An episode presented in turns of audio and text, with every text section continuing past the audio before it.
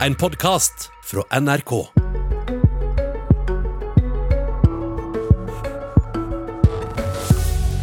Regningen for koronapandemien kommer i dag, og mens 200 000 nordmenn står uten jobb, står folk ellers i kø for å kjøpe hus og hytter, hunder, biler og båter. Forskjellene øker. Bør vi være bekymra? Ja, velkommen til Politisk kvarter. Nå er det sånn at økonomer for tiden følger vel så mye med på smittetall som konjunkturene ellers. Og de siste smittetallene er dessverre ganske høye etter flere uker med nedgang. Likevel, vaksiner er på vei. I slutten av juli skal alle over 18 år ha fått sin første dose. Og i dag legger regjeringen fram sitt reviderte nasjonalbudsjett. Finansminister Jan Tore Sanner, du er langt mer optimistisk når du sitter her i dag enn, satt, enn da du satt her på samme tid i fjor.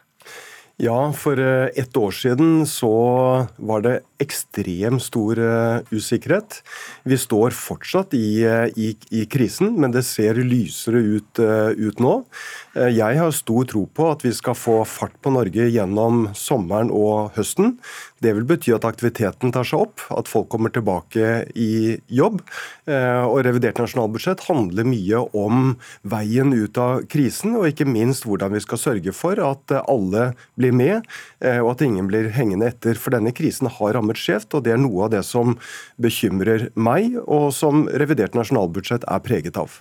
Regjeringen bruker og har brukt 229 milliarder kroner på denne pandemien. Hva tror du regningen kommer på til slutt?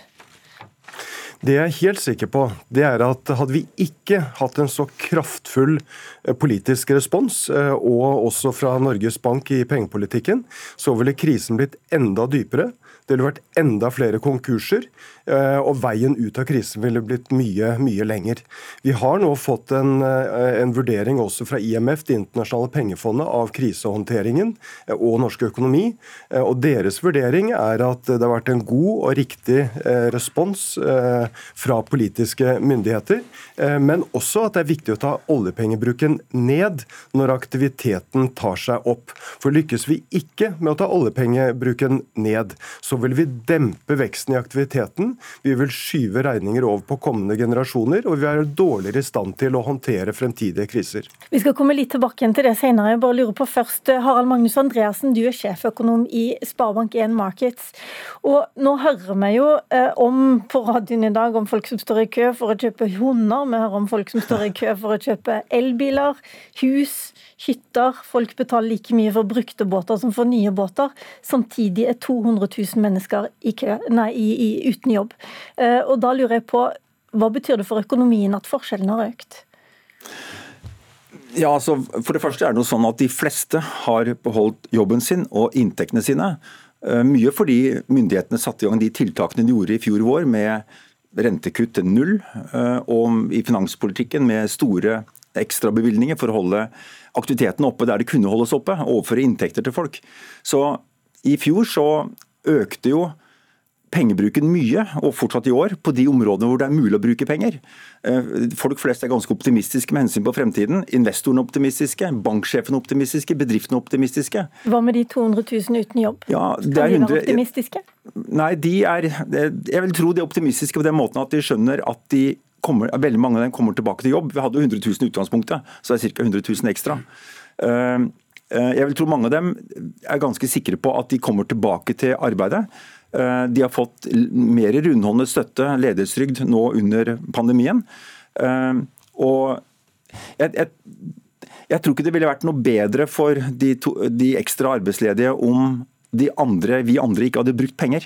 Og vi har brukt penger som sagt fordi vi har hatt dem. Vi har til og med i tillegg til å bruke mye penger der vi kunne bruke penger, så har vi spart mye mer enn før. Så folk bankinnskuddene har steget som det aldri før, som aldri før har sett.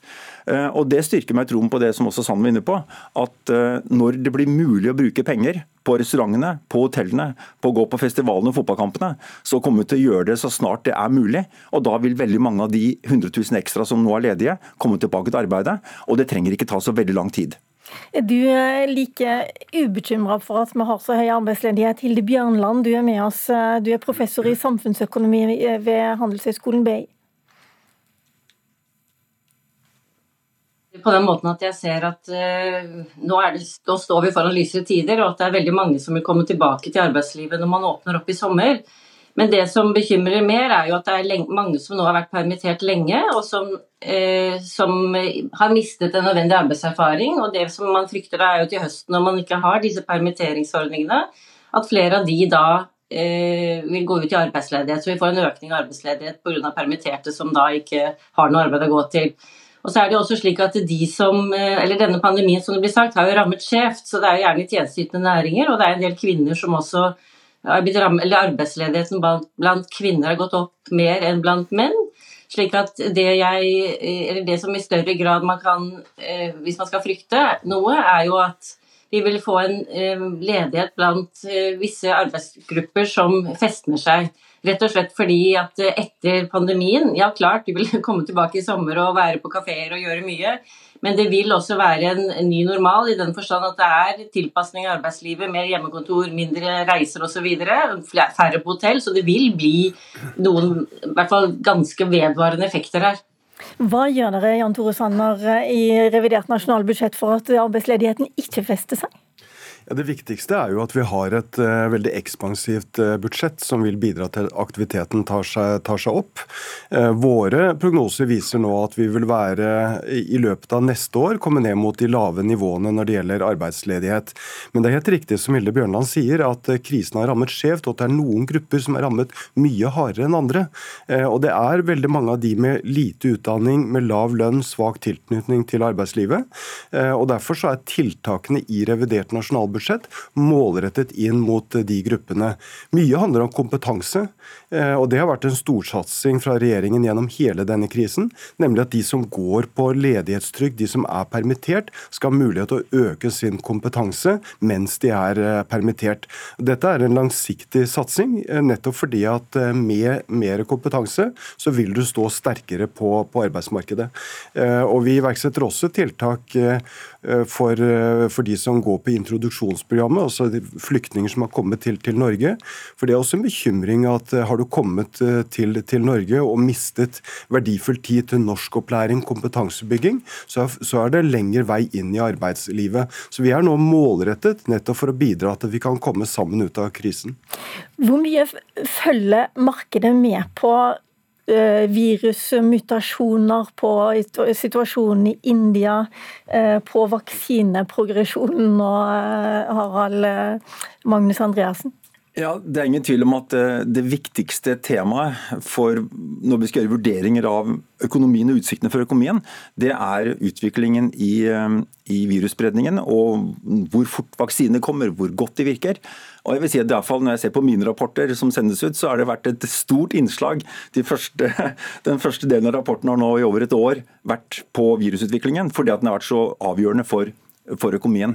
Det Vi ser nå det er jo at eh, vaksiner virker. Eh, vi vet at eh, i land som vi har fått en stor del av befolkningen vaksinert, som USA og Storbritannia, så er det en veldig nedgang i smittespredningen. Færre på sykehus og langt langt færre som dør. Det gjelder overalt når vi begynner å vaksinere de som er svakest. Og vi ser at vi i løpet av, av, svært kort tid kommer ut av pandemien i økonomisk forstand. Det betyr ikke at alle jobber er tilbake på samme måte som det var før, men jeg er ikke spesielt pessimistisk med hensyn på at vi får så store endringer i økonomien at mange blir stående utenfor lenge. Ehm, I USA i dag så er det, de har en høyere arbeidsledighet enn det vi har. Eh, og det er, ikke, de er ikke ferdig med det på noen måte, men vi ser nå at bedriftene har ekstreme problemer med å få tak i folk. Det, er, det står 'help wanted'-skilt over hele landet, og det har aldri før vært så stor mangel på arbeidskraft i USA som det er i dag. Eh, og Vi ser det samme i Norge, at tilgangen på altså bedrifter som annonserer til folk, har tatt seg veldig kraftig opp. Og Det ligger langt langt høyere nå i dag enn det gjorde i 2019. Så jeg tror at angsten for at vi skal ha varige sår i økonomien, den er, er begrenset. Men fokuset på, på, viruset har vært der i bøtter og spann. Men jeg håper, jeg tror egentlig at jeg om noen måneder kommer til å bruke mange færre timer i uken på å forstå viruset og konsekvensene for økonomien. La oss gå til eh, andre delen av eh, programmet i dag. fordi at Jan Tore Sanner, I går sto du i Stortinget og snakka om alle pengene vi ikke må bruke på lang sikt. Samtidig så har regjeringen de siste dagene delt ut milde gaver, og dere har vært også rause med pengene i koronapandemien. På hvilken måte, eller hvor det har jo vært finansministre før deg i 20 år som har sagt at nå må vi stramme inn. Hvorfor skal vi tro på deg denne gangen? Hele, hele politiske Norge kommer nå til å bli satt på, på, prøve. Det er ingen tvil om det. Eh, og det er flere grunner til at vi nå må ta oljepengebruken ned. Eh, det ene eh, er at vi må skape rom for verdiskaping i privat sektor.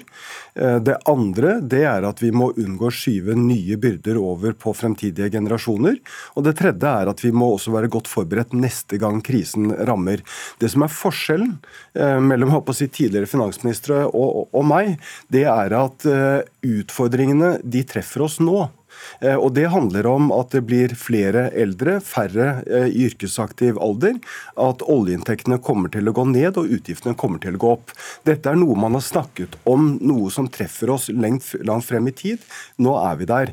Eh, og skal vi sikre god velferd både for dagens generasjon og for fremtidige generasjoner, så må vi lykkes med å ta oljepengebruken ned. Nå er også den offentlige andelen av økonomien blitt svært stor. og skal vi fremme verdiskaping fremover, eh, ja, så må vi også få den offentlige andelen nedover i tiden fremover. og Det betyr eh, at de midlertidige tiltakene de må avvikles når aktiviteten tar seg opp. Men så lenge krisen varer, så har det vært nødvendig med så kraftfull økonomisk respons. Hilde Bjørnland, har du tro på at politikerne til høsten klarer å stramme inn, sånn som egentlig alle sier at det er nødvendig? Altså, eh, jeg er vel kanskje hakket mer eh, bekymret for det også enn Jan Tore Sanner. Eh, poenget er at det er, det er ikke, Problemene er jo ikke hva man bruker i krisen. og Man skal bruke mye oljepenger nettopp for å dempe den nedturen, og det har jo denne regjeringen gjort. og Stortinget har plusset på vilje også mange ganger når ikke regjeringen har gått langt nok, syns de.